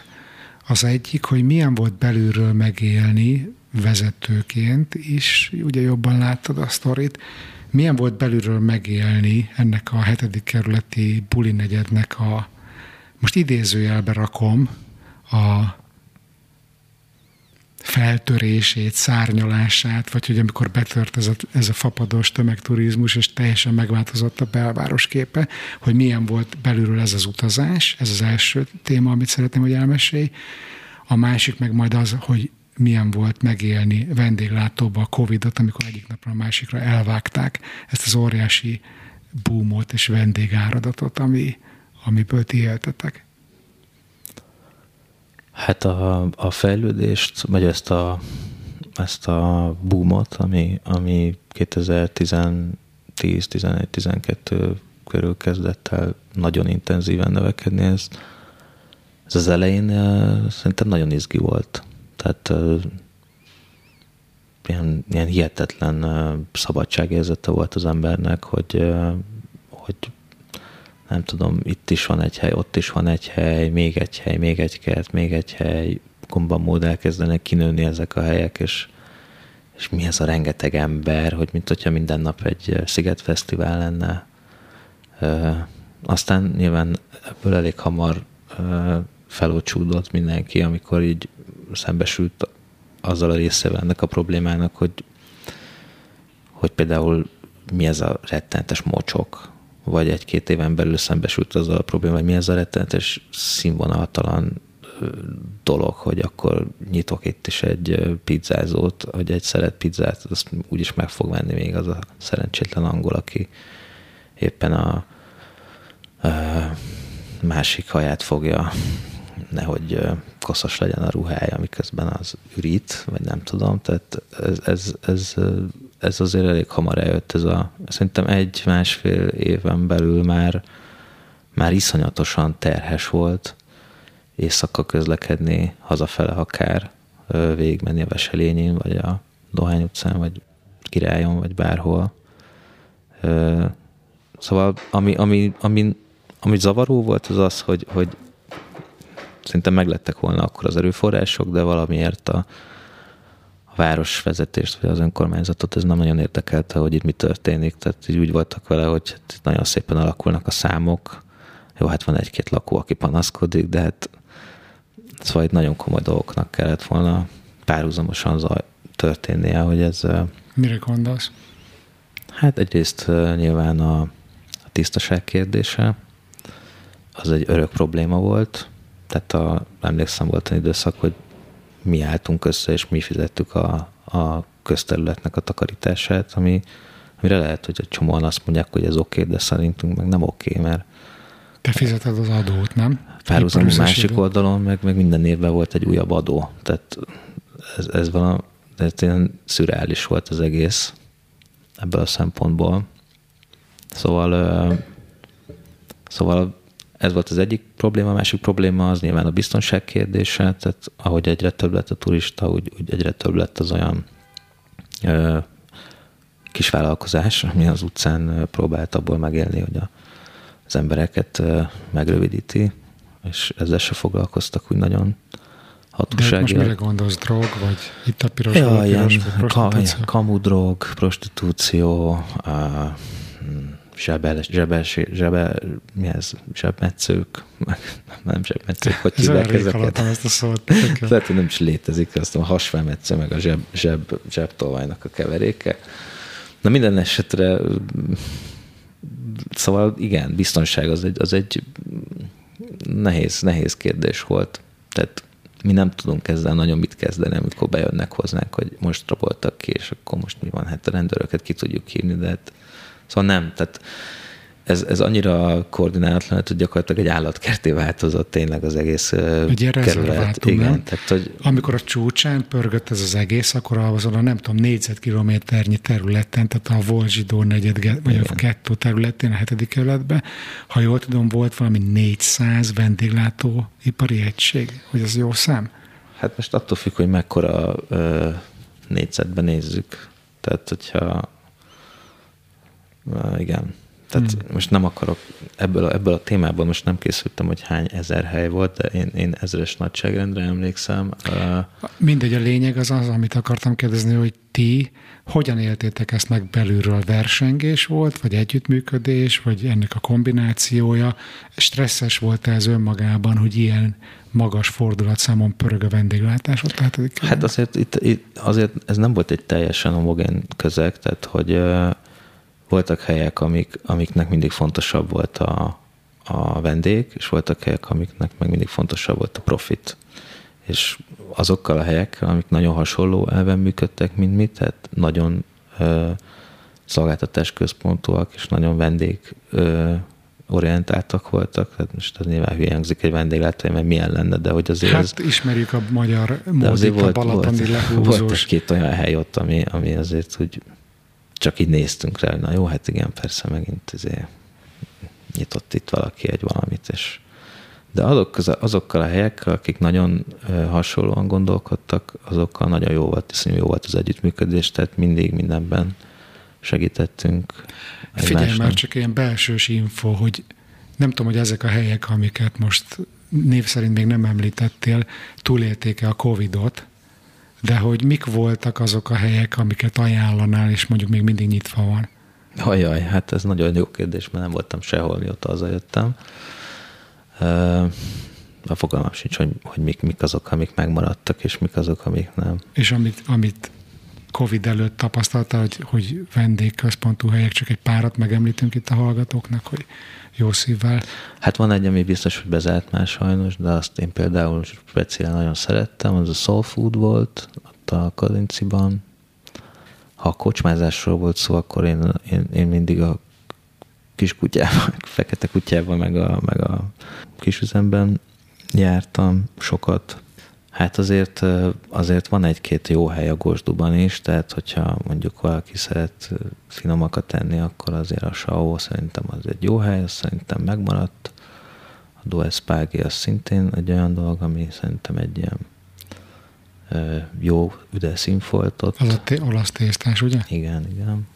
Most így hirtelen nem jut eszembe semmi. Azért, hogyha belegondolok, akkor kb. 2010, 2020 február óta én szerintem nem voltam vendéglátóhelyen, úgyhogy talán most, most a nyáron ilyen.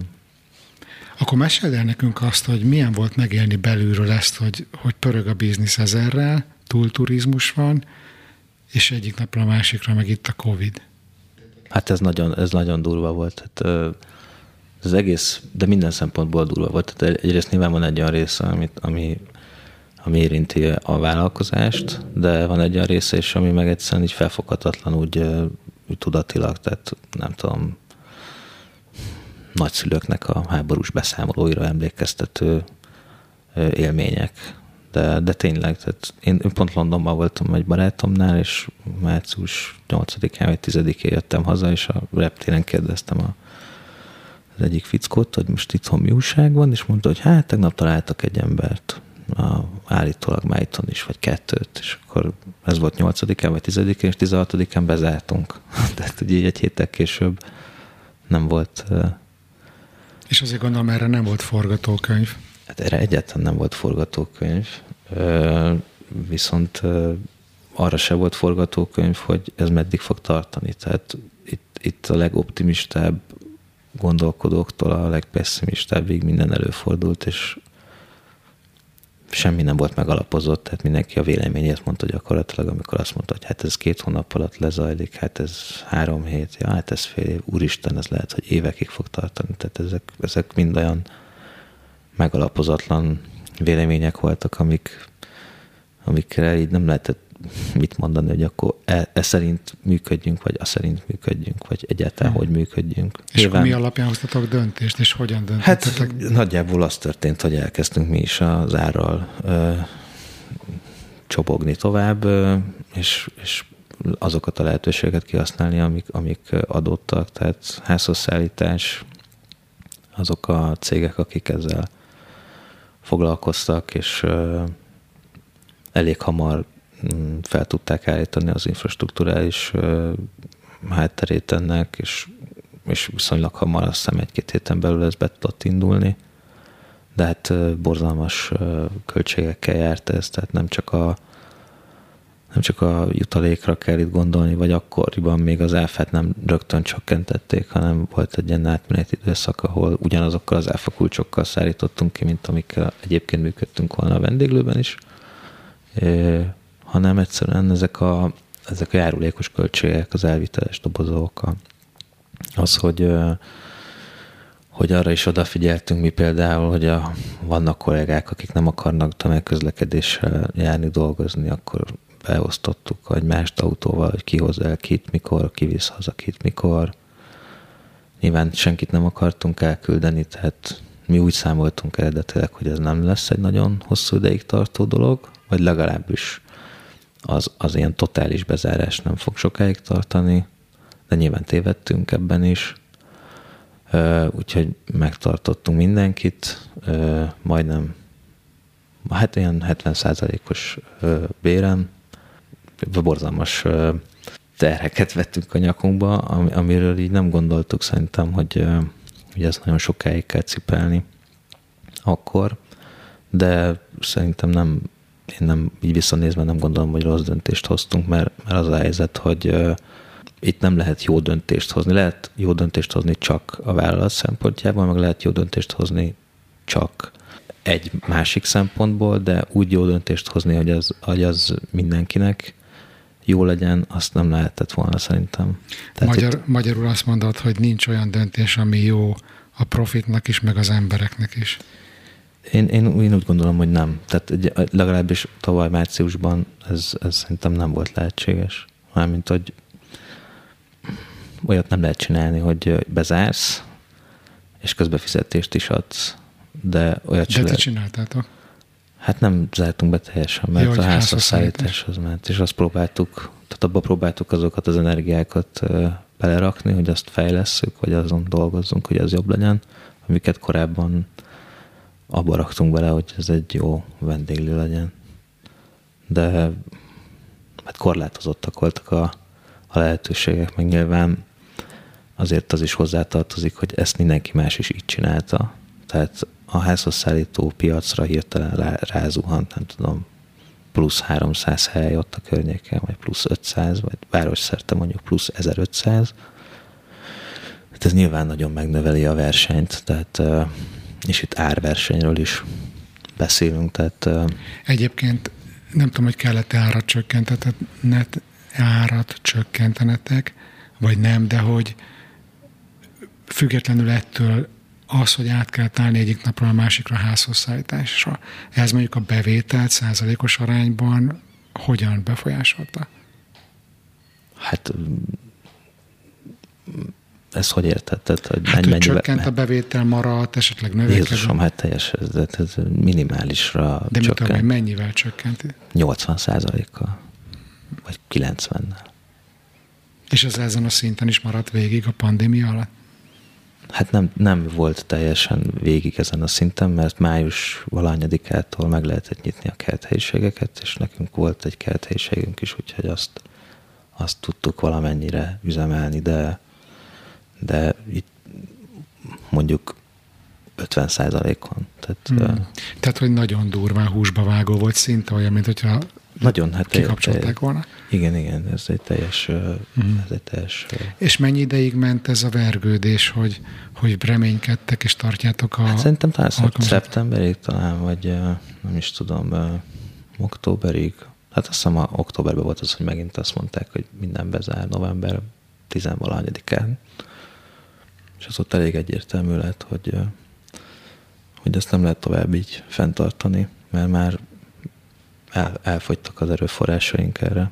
És közben meg azért a hetedik kerületben a, a helyeknek szerintem a 60 a vagy még több. Hát igazából én így vissza, nyilván utólag nagyon okos az ember, de így vissza gondolva én, én úgy látom, hogy azok a helyek, amik viszonylag alacsony rezsiköltséggel tudnak működni, tehát mondjuk kevés alkalmazottjuk van, és picike helyet bérelnek, és mondjuk egy olyan törzs gárdájuk van, akikre azért tudnak nagyjából 10-ből 5 számítani.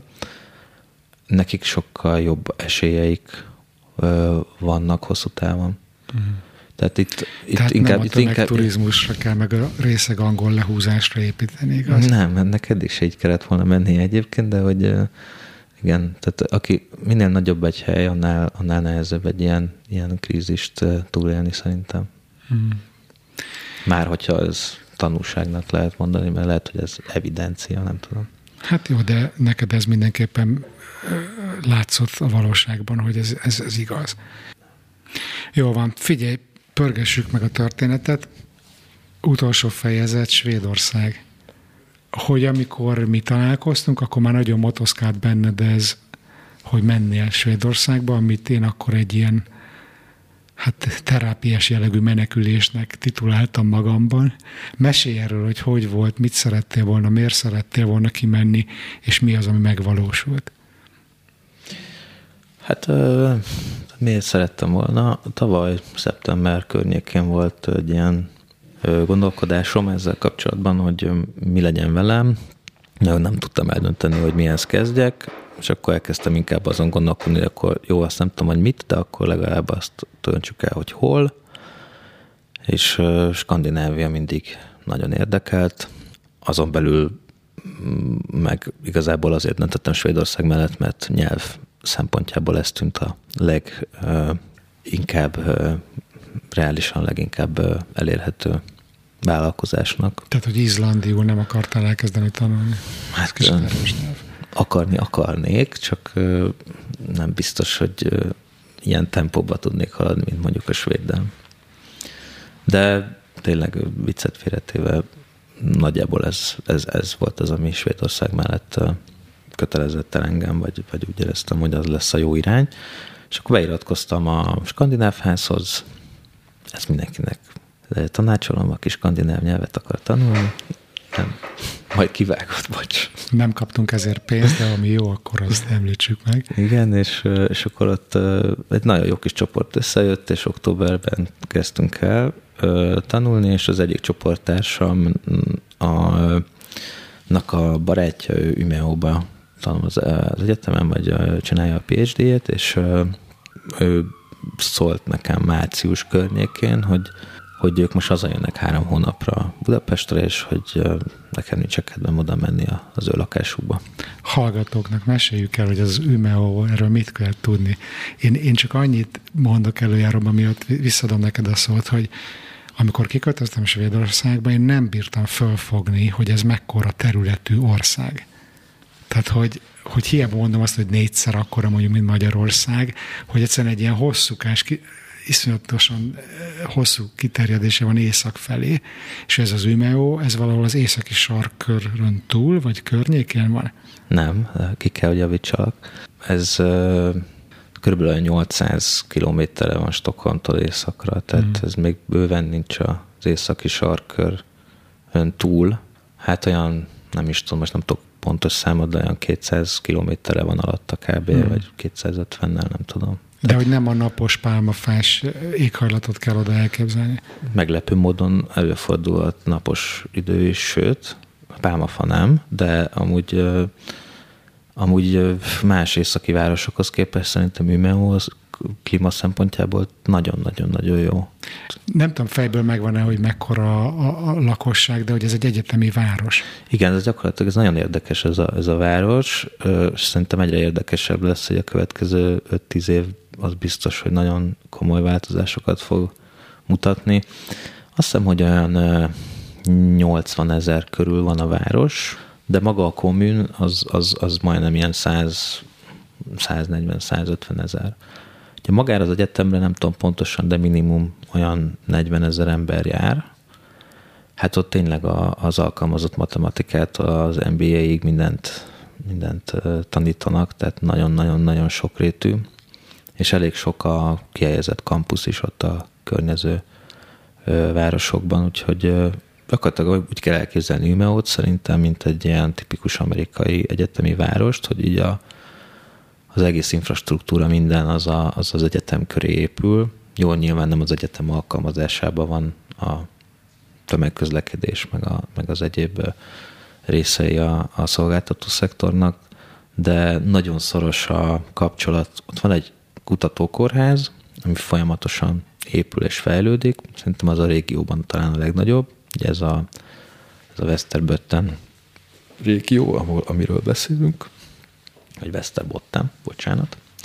A híres sajt is onnan származik egyébként Umeå környékéről, amit én csak úgy hívok, hogy a svéd parmezán, de tényleg nagyon jó amúgy. És és hát a kórház, az egyetem, ez, ez így elfoglalja az egész várost, és iszonyú fiatalos. Nyilván én, amikor mentem, akkor bőven még a, a lockdown tartott. Most a lockdown ugye Svédországban nem az a lockdown, mint a kontinensen volt, de az, az egyetemi oktatás, az távoktatás. Távoktatás volt, igen. Tehát egy picit ilyen szellemváros hangulata volt. Ráadásul én pont egy olyan helyen laktam, ami egy ilyen student légenhelyt, tehát ez a teljesen ilyen mindenki diák körülötted, és nem nagyon voltak körülöttem. tehát, Aha, tehát ilyen kolesznek képzeljük el, de ez igazából lakások. A de kicsi kolesz... lakások, igen, de ilyen koleszszerű az egész, tehát van egy közös mosókonyha, ahova időpontot kell foglalnod, amúgy olyan az egész kívülről, mint egy apartmanház, de, de azért sokkal kisebbek az apartmanok, de nagyon jól átgondolt az alaprajza mindegyiknek. Szóval egy ilyen tényleg nagyon érdekes helyzet volt. Amikor kimentél, akkor tudtad, hogy van három hónapod, amíg ezek a barátaid itt vannak Magyarországon, és tudod, hogy használhatod az ő lakásukat. Mi volt a terved egyébként, hogy amikor kimentél? Hát a tervem az, az volt, hogy egy, egy, egy-két hetet, vagy egy hónapot ott körülnézek. Igazából a, tervem, nagy, a nagy tervem az az volt, hogy egyetem beleszagolok ott a levegőbe, hogy, hogy való nekem egy, egyáltalán, vagy csak egy romantikus álom volt, hogy én, hogy én elképzeltem az életemet Svédországba. De ugye direkt nem nagyvárost kerestél? Hát nem voltam ezzel kapcsolatban annyira uh, kifinomult, egyszerűen ez a lehetőség jött, és ez egyébként szívemnek kedvesebb volt, hogy egy kisváros, igen. De az volt a terv, hogy egy, egy hónapig ott aklimatizálódok, és munkát keresek, és elvállalok gyakorlatilag bármilyen munkát, csak tudjam a nyelvet gyakorolni, meg tudjak valamilyen módon esetleg eljutni egy, legyen mondjuk netán, tán egy ideiglenes regisztrációs számon, vagy ilyesmi. Tehát, hogy próbáltál beépülni a svéd rendszerbe? Igen, igen. És ez hogy ment? Hát nem nagyon ment, bevallom. Elég, nagyon sok helyre pályáztam. Szerencsére azt szerintem a svéd álláshirdető rendszer az, az, az elképesztően jó. Tehát, hogy ott bármilyen cégről, bármilyen pozícióról van szó, az Arbeidsvermedlingen nem minden fönt van. Tehát a, Ez a munkaügyi hivatal mondjuk magyarul? Igen, de olyan szinten, hogy a, a, amit a LinkedIn-en, vagy az Indeed-en, vagy bárhol megtalálsz, az ott van. Tehát, hogy nincsenek ilyen spéci, vannak persze spéci recruiter cégek, meg nem tudom, de hogy, de hogy azoknak is fel kell tenni kötelezve a hirdetést arra az oldalra. Tehát ott tényleg mindent megtalálsz. Tehát ez zseniális. És baromi jó a keresője. Meg egyébként nagyon jó az online helpdesk, mert volt egy első héten vagy második héten foglaltam magamnak egy időpontot egy videócsetre ezen az oldalon, és nagyon kellemes sráccal eldumálgattunk arról, hogy nekem itt milyen lehetőségeim vannak, és nagyon cuki volt, nagyon helyes volt. És, és mi volt, ami itt felsejlett, hogy milyen lehetőségeid vannak ezzel a vendéglátással? Hát nem sok, tehát hogy azért a Covid az ott is jelentősen megtépázta a helyeket, vagy csökkentett, nyitva, nyitva voltak a helyek, tehát be lehetett menni, hogyha elég kalandvágyó volt az ember. Én, én az elején azért ettől így visszatartottam magam, de vendéglátóhelyek azok így nagyjából voltak, szállodák is nagyjából voltak, és az volt még egy érdekes rész, hogy áprilisban elkezdtek föltenni a hirdetéseket, amik kifejezetten ilyen szommár vikáriát, vagy nem tudom, hogy mondják Nyári ezt.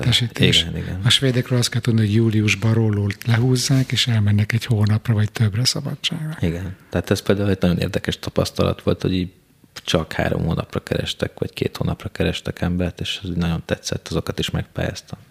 Pályáztam a Teslahoz is, meg ideült, hogy új, újabban nyílik egy Tesla szervizközpont, és oda kerestek ilyen, ilyen mindenféle pozícióra embereket. Hát nagyon kedvesen visszautasítottak mindenhonnan. Aztán elkezdtem, hát az ismerkedés az nagyon nehéz volt, annak ellenére, hogy ez egy egyetemi város, annak ellenére, hogyha nincs egy ilyen legitim igazolásod, a, a, hogy te egy csoporthoz tartozol, tehát hogyha csak egy ilyen földön kívüliként ott bolyongsz az utcákon, meg az erdőben, akkor így nem nagyon fognak veled szoba állni, tehát esélytelen.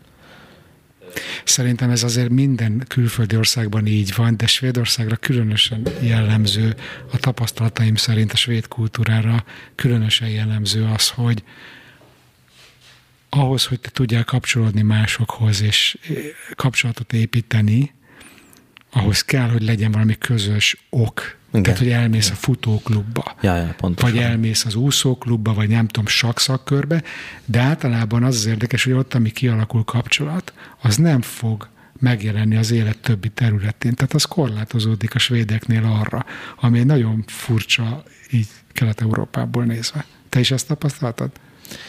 Hát jó lett volna, hogyha ezt megtapasztalom, de mivel se sakklubban, se futóklubban nem jelentkeztem, ezért jobb hiány az internetes ismerkedés felé orientálódtam. Szóval egy internetes társkeresőn applikáción elkezdtem ismerkedni, és volt is egy nagyon kedves olasz lány, aki, aki megkérdezte, hogy nincs kedvem elmenni vele a Biskóba. Ha van egy téli sátram, akkor, akkor menjünk a Biskóba. És hát mondtam, hogy egy téli sátram az nincs, de végül is tudok szerezni egy téli sátrat, és a Biskó meg hát az fantasztikus. Na, az tényleg az északi sarkörön túl van, de, majd, de legalább 200 kilométerrel. Azt szerintem a legutolsó utáni kis svéd falu, ami, ami van. Olyan a Tornaresk tó partján 40 kilométerre a norvég határtól keletre, és hát nagyon izginek tűnt ez a kirándulás, de azért gondoltam, hogy egy, egy, egy kávézást esetleg előtte megejthetünk, de hát erre a kávézásra már nagyon nem kaptam reakciót, vagy nem, nem tudom, eltűnt a lány egyszer csak, lehet, hogy a kávézás már önmagában nem érdekelte. Viszont nekem ez az abiszkó meg be, beragadt valahogy, és akkor elkezdtem magamnak szervezni oda egy utat, és április közepén el is mentem oda egy négy-öt napra. Tök egyedül.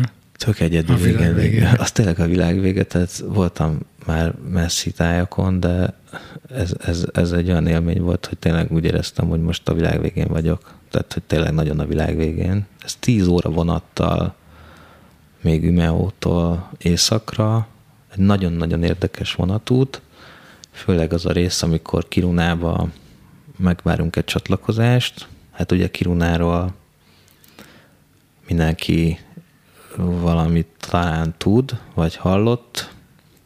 Ez egy bányaváros. Igen, igen, az az LKAB-nak a, a, a bányavárosa, ami egy, ami egy tényleg egy szürreális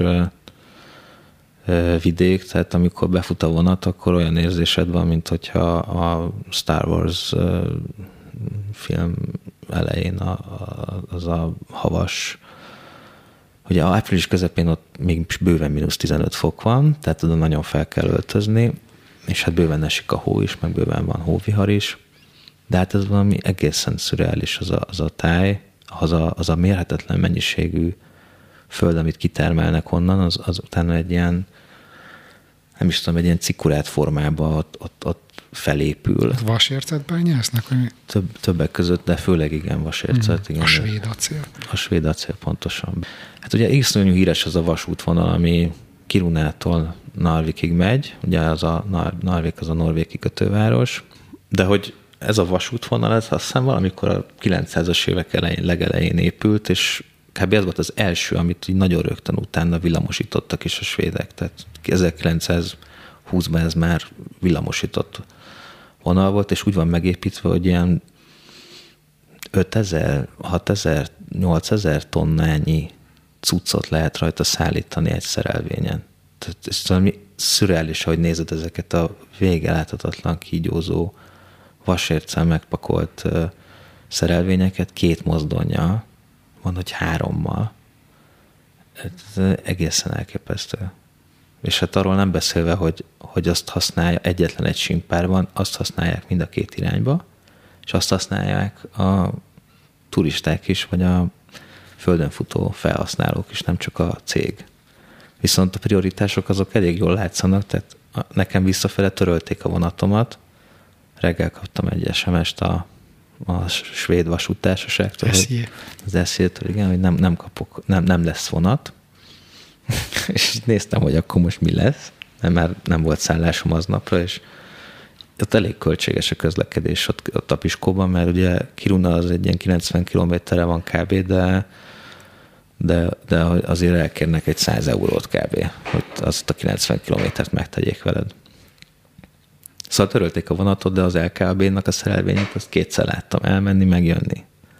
Tehát ott, ott nincs időjárás miatt törölték egyébként, és azt mondták ott a helyiek, hogy ez teljesen normális dolog, mert Abisko az nagyon ideális klímatek szempontjából, de simán előfordulhat, hogy 10-15 kilométerrel odébb már egy olyan hóátfúvás van, hogy, hogy lezárják az egész utat. Vasutat is, és az autóutat is. Egyébként ott megy az autópálya is. Hát ott elmentem kirándulni Abiszkóba, ugye onnan indul a Kungsleden, ami a leghíresebb svéd és a leghosszabb svéd túraútvonal is egyben, és azon mentem ilyen 20 kilométeres etapokat, de úgy, hogy minden nap vissza tudtam érni a szállásomra.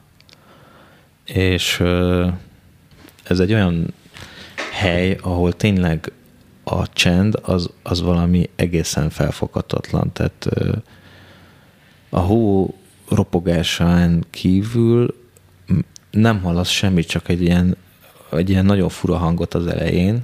Nekem legalábbis, mikor már nem tudom, 10 kilométerre elhagytam a falut, ez egy 85 fős falu egyébként, ez az apiskót, tehát iszonyú pici.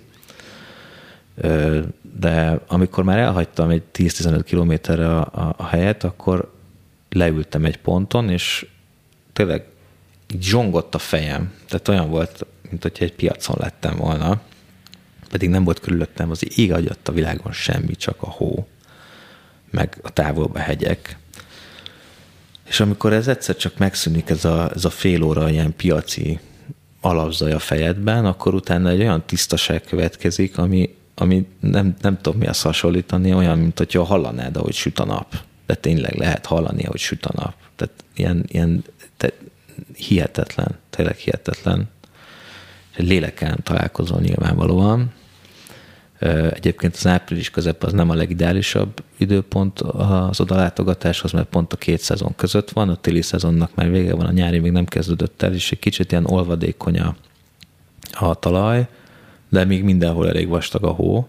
Én arra fele szoktam, vagy arra fele mentem mindig, amerre láttam az állatoknak a lábnyomaiból, hogy az egy viszonylag stabil rész, de volt egy rossz pillanat, amikor beszakadt alattam, és nyakig elsüllyedtem és mindezt úgy, hogy egyedül vagy, és több kilométeres senki körül. Igen, jó messze volt minden tőlem, és de pont fotózni akartam valamit a telefonommal, és akkor nem volt rajtam a kesztyű sem, úgyhogy ilyen rögtön csináltam magamnak két problémát is, hogy a kezem lefagyott, a, a telefonom elveszett valamerre, aztán megtaláltam, de hát a legnagyobb probléma az az volt, hogy a, bár elég jól fel voltam öltözve, de azért csak bement a hó ide-oda, és azért megszárítkozni ott, ott nem nagyon volt egyszerű, mert hogy mindenhol csak hó van, tehát olyan, mint egy ilyen óceánon próbálná meg, megszáradni, tehát nem, nem, nem, nem volt könnyű. De hány, aztán, hány kilométerre szállástól? Nem tudom, 10-15, messze volt. Hát, nem, nem ijedtél meg? Hogy de ott egy picit megijedtem, hogy kicsit túlvállaltam magam, de amúgy elment elég hamar ez az ijegység, mert rájöttem, hogy ott egy korhat fa, arra legugoltam, kiteregettem a kis cuccaimat, szerencsére sütött a nap. Az egyébként az egy nagy mázli volt, tehát volt egy másik nap, amikor elmentem, de vissza kellett fordulnom, mert olyan hóvihar volt, hogy tehát tényleg nagyon durva volt. Nagyon be voltam öltözve, nagyon be voltam bugyolálva, de az orrom hegye az kilógott, és olyan szinten lefagyott, hogy tényleg nem éreztem, és, és nagyon-nagyon erősen fújt a szél az ilyen időjárás jelentős alkalmazásokat, azokat ilyenkor percenként érdemes csekkolni, mert nagyon könnyen megváltoznak a dolgok, és hát ott írták is, hogy ez a, ez a 80 kilométeres szél, ez, ez simán lehet 120 is, egy-két óra múlva, úgyhogy akkor inkább visszafordultam. Mert ilyenkor nagyon hamar, nagyon könnyen lefagy minden rögtön. De figyelj meg, Gábor, de azért ez, ez már, már az életed kockáztatása, nem? Tehát, hogy most úgy mondom, nem, hogy nem, nagyon nem. kimentél a széléig. Nem, azért ez nem, nem, nem mondanám, hogy életem kockáztatás. Hát telefon volt nálam, tudtam volna hívni. Mondjuk biztos, hogy nem a szállásadómat hívom, mert őt akkor se tudtam elérni, amikor megérkeztem a szállásra, de, de közel van ugye a, a, a, a svéd turista szállás, ami, ami szintén egy ilyen 900-as évek elején közepén alapított emblematikus intézmény ott a Viskóval, pont a, ahol kezdődik a túraútvonal. Őket is biztos fel tudtam volna hívni, biztos, hogy meg hát azért Abiszkóról azt kell tudni, hogy azért elég kétélő a dolog, mert vannak ezek a hátiságos turisták, mint én, meg vannak a nagyon komoly játékosok, akik sielni járnak oda, és hát őket helikopterrel viszik föl így az egyik hegytetőre, másik hegytetőre, és akkor ezek ilyen elég költséges kis sítúrák, de ennek is megvan a közönsége. Tehát azért van élet.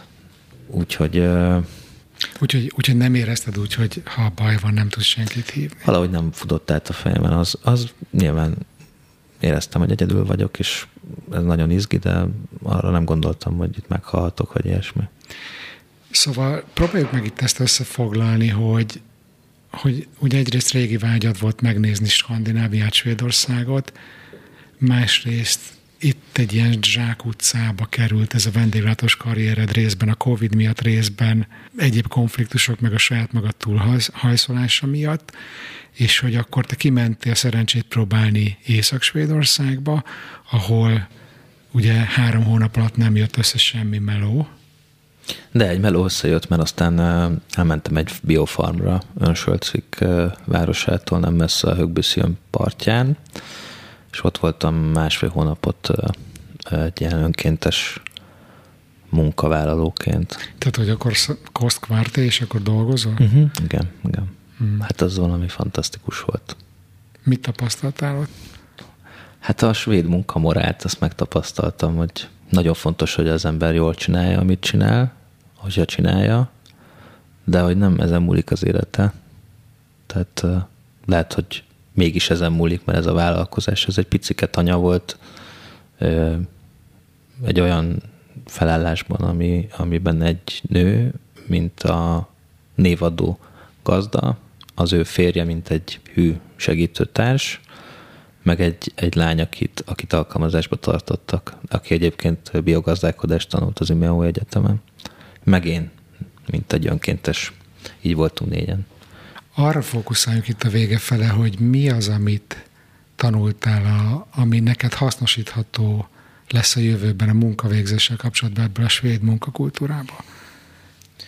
Hát az leginkább az, hogy tényleg nem ezen múlik a világ, hogy te most aznap befejezed el, vagy nem. Persze vannak kivételek, meg vannak fontos dolgok, de hogy, de hogy nem szabad magadat elégetni, nem szabad magadat egy olyan helyzetbe hozni, hogy te alárendelt leszel a saját munkádnak, hanem te azért csinálod azt, amit csinálsz, mert szereted, mert az jó, és, és néha kicsit többet kell belőle csinálnod, mint ami jól esik, de hogy ez, ez sosem szabad, hogy megforduljon, és egy olyan ö, helyzet alakuljon ki, hogy, hogy, ö, hogy ö, már azt keresed, hogy hogy tudnál kevesebbet csinálni. Hmm. Mert az már nagyon rossz. Tehát valahogy mindig az az ideális, hogyha megmarad az a, az a nyitottság, vagy az a, az a pozitív attitűd, hogy te mindig szeretnél egy picit többet csinálni még, de már éppen nincs rá idő, vagy nincs rá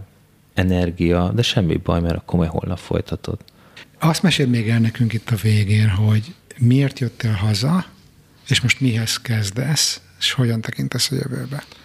Több oka is van, hogy hazajöttem. Az egyik az az, hogy egy kicsit elkezdett zavarni ez az oltás kérdés, tehát egyre messzebb sodródtam attól, hogy én ott oltást kapjak, meg, meg itthon is kialakult egy helyzet, hogy be kellett dolgoznom valahova, és emiatt az volt egy kicsit az érzésem, hogy így szeretnék ott lenni százszerzalékosan, de közben az agyam meg a fejem az 40 százalékban meg már itthon van, és nagyon bizarr volt ez, a, ez az állapot, hogy reggel fél nyolctól négyig ötig kint vagyok a földeken, és utána meg nekiállok a gép előtt itthoni dolgokkal foglalkozni. Tehát most egy kicsit úgy éreztem, hogy ebben a az haza kell jönnöm egy kicsit elrendezni itt a dolgokat, és, és átgondolni egyrészt, hogy most ezt mennyire gondolom komolyan, ezt az egész Svédországot, illetve ha nem, akkor itthon mi az, ami, ami érdekes lehet nekem, vagy hogy mit kezdek azokkal az erőforrásaimmal, amik itthon vannak. Hmm. De hogy nincs nincs egy ilyen lezárása, úgy érzem ennek a történetnek, tehát a svéd tanulmányaimat azt továbbra is folytatom, és, és ezt, ezt nem zártam be teljesen ezt a, ezt a lehetőséget. Viszont legközelebb, ha megyek, akkor, akkor nem így, ahogy most, hogy kimegyek habokra, és megnézem, hogy mit, mit tudok kihozni a semmiből, hanem, hanem akkor már szeretnék célirányosan kifejezetten egy munkára jelentkezve kimenni. Mit kaptál ettől a svédországi csendtől? Milyen érzésed van most magaddal és a jövőddel kapcsolatban? Alapvetően nagyon pozitív. Tehát én szerintem nekem ez egy ilyen majdnem valószínűleg ahhoz lehet hasonlítani, mint más, aki el, elmegy Santiago de Compostelába, tehát hogy nekem ez egy ilyen Camino szintű utazás volt. Ugye végig egyedül voltam, nagyon-nagyon sok helyen voltam, izgalmas helyeken, szép helyeken, és ami nagyon megmaradt, az a, az a természet, tehát amióta hazajöttem, azóta is igyekszem minél többet kirándulni, és remélem, hogy ez meg is marad, mert azért itthon is vannak nagyon szép helyek, amiket én nem láttam még, olyan is, és és ez, ez nagyon megfogott, tehát ez, ez, ez az élet, hogy egy tóparton laksz, és, és fél tizenkettőkor kimész levegőzni este, és süt a nap, és úgy csiripelnek a madarak, mint hogyha nem tudom, egy tavaszi délelőtt lenne, az, az valami egészen hihetetlen. Tehát valahogy úgy éreztem, hogy, hogy tényleg ez a földművelés, meg a, meg a föld dolgozás az egy nagyon kemény, nagyon nehéz munka, de ezt is lehet úgy csinálni, hogyha minden szépen meg van tervezve, hogy az ember nem megy tönkre bele fizikailag, és közben ez, ez a legélvezetesebb dolog ott lenni a természetben, és ezekkel a, az elemekkel találkozni minden nap, ami a fa, a föld, a madár, a szarvasok mentek át így reggelente az ablakom előtt, úgyhogy 30 méterre volt a víz. Szóval ez, ez, ez nekem valami káprázatos volt, tehát lehet, hogy ingyen dolgoztam, de, de ez, ez, ez nekem minden pénzt megélt, hogy, hogy ebben, ebben tudtam létezni. És picit apukád is veled volt ott, amikor a Földön dolgoztál? Igen, sokat gondoltam apukámra is, sokat gondoltam a párkapcsolatomra is, tehát, a, tehát ezek mind olyan ö, feldolgozásra váró folyamatok voltak az én életemben, amiknek valahogy itthon nem tudtam egy bizonyos ponton túl lendülni, és, és eljutni egy, egy másik státusz, státuszba, hanem, hanem megrekedtem, és most úgy érzem, hogy kint ezekkel a körülményekkel szerintem nagyon-nagyon sokat léptem előre, és nagyon sok mindent sikerült a helyére tennem. Tehát ha nem is valósult meg az eredeti cél, hogy én ott gyökeret tereszek, vagy, vagy meg, megragadjak. Úgy érzem, hogy nagyon, nagyon sok mindent kaptam, amire nem is számítottam. Hmm. Az időre és a hallgatók idejére való tekintettel szerintem most ez legyen a végszó. Én nagyon szépen köszönöm, hogy megosztottad velünk a történetedet. Köszönöm. Szia. Szia. Kedves hallgató, köszönöm, hogy még mindig itt vagy, remélem megérte végig maradnod. Ha szeretnél egy szuper társaság részévé válni, akkor csatlakozz az online támogató közösségünkhöz a Facebookon, keresd a Halottnak a Coach közösség csoportot, és ne felejts el követni az Instagramon a Halottnak a Coach címen. Amennyiben szeretnél velem dolgozni, részt venni egy csoportos coaching programon, vagy egyéni tanácsadáson – meghívni a cégedhez workshopot vagy érzékenyítő beszélgetést tartani, esetleg podcastet készítenél velem, akkor a részletekért látogass el a bánandrás.hu weboldalra. A bánandrás.hu-n feliratkozhatsz a hírlevelemre is, amiben péntekenként bepillanthatsz a kulisszák mögé, és megosztom veled, mi inspirál éppen, mit találok érdekesnek a világban. Iratkozz fel a Halottnak a Coachra a Patreonon exkluzív tartalmakért, és támogasd a munkámat havi egy kávé árával. Küldhetsz egyszeri támogatást is a Paypalon vagy Revoluton, részletek az adásnaplóban. Köszönöm már a figyelmed, kérlek iratkozz föl a Halottnak a Coach podcastre azon a lejátszón, ahol éppen most hallgatod, és mesélj a műsorról egy barátodnak. Bán András voltam, a mi hamarabb viszont hallásra.